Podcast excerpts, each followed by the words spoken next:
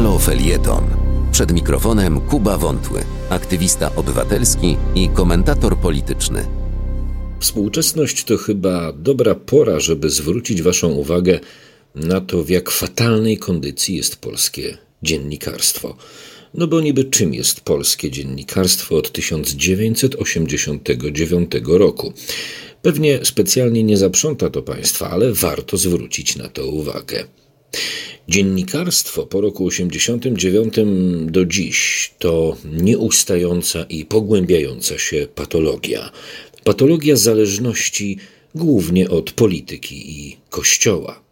Nie będzie dla Państwa żadną tajemnicą, jeśli stwierdzę, że dziennikarze w Polsce dzielą się na trzy grupy: tych, którzy sprzyjają jakiejkolwiek władzy, tych, którzy sprzyjają jakiejkolwiek opozycji.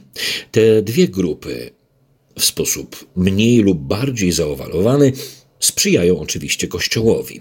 Jest jeszcze trzecia grupa, do której ja się zaliczam.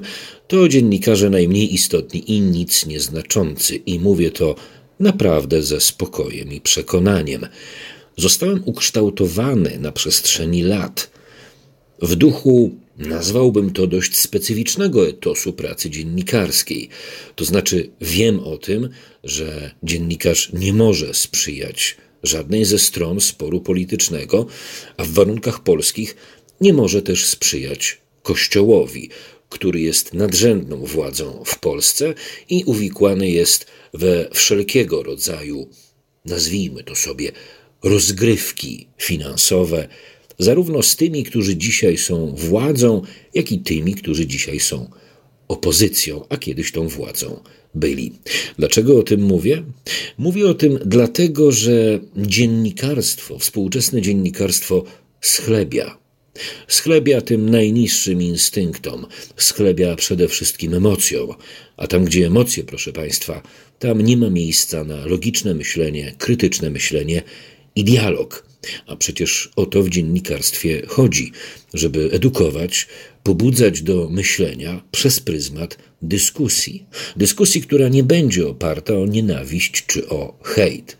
A skoro współczesne dziennikarstwo oparte jest o emocje, to stąd już bardzo prosta droga albo do miłości wobec tych lub innych polityków, albo do hejtu nie tylko na polityków, ale również wobec tych, którzy nie zgadzają się z moją miłością do tych lub innych.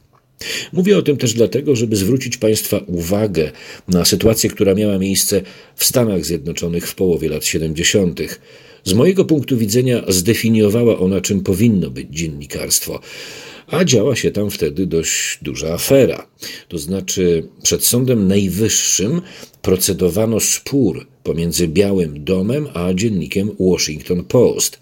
Chodziło o to, że zdaniem Białego Domu dziennik Washington Post ujawnił e, tajemnice które mogły zagrażać bezpieczeństwu narodowego. No i tutaj Sąd Najwyższy Stanów Zjednoczonych stanął na wysokości zadania.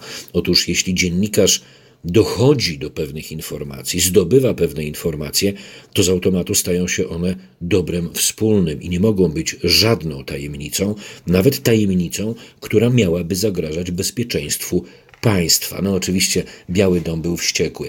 Ale dlaczego o tym mówię?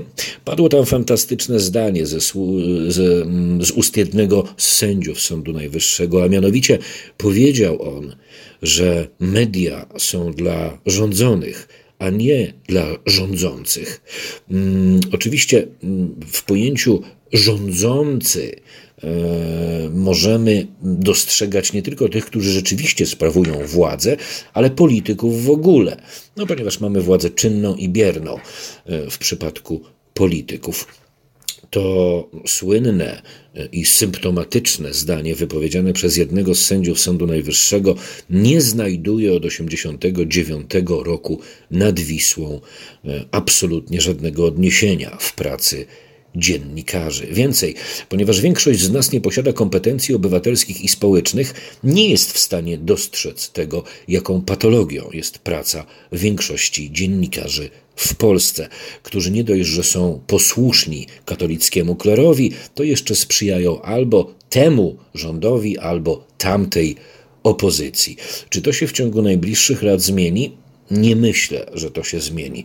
Myślę natomiast, że warto, żebyście Państwo zdali sobie sprawę z tego, że kompetencje społeczne i obywatelskie polegają między innymi na tym, że potrafimy Potraficie ze sobą rozmawiać bez względu na dzielące was różnice, że nie ma w was miłości, bezkrytycznej miłości opartej na emocjach właśnie, które wywołują w was media i przekaz medialny do tego polityka lub tej partii.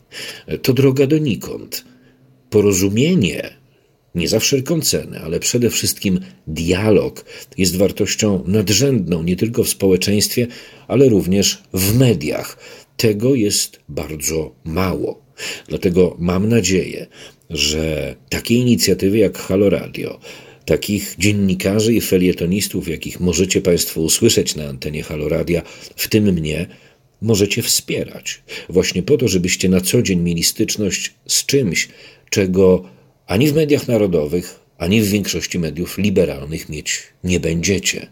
A macie styczność, przynajmniej ja tak to postrzegam, z dziennikarzami, którzy nie są zaangażowani po żadnej ze stron, ponieważ nie od tego jest dziennikarstwo.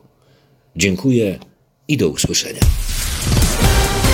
Na www.haloradio ukośnik SOS wspieraj niezależne Halo Radio, które mówi wszystko. www.halo.radio ukośnik SOS Dziękujemy.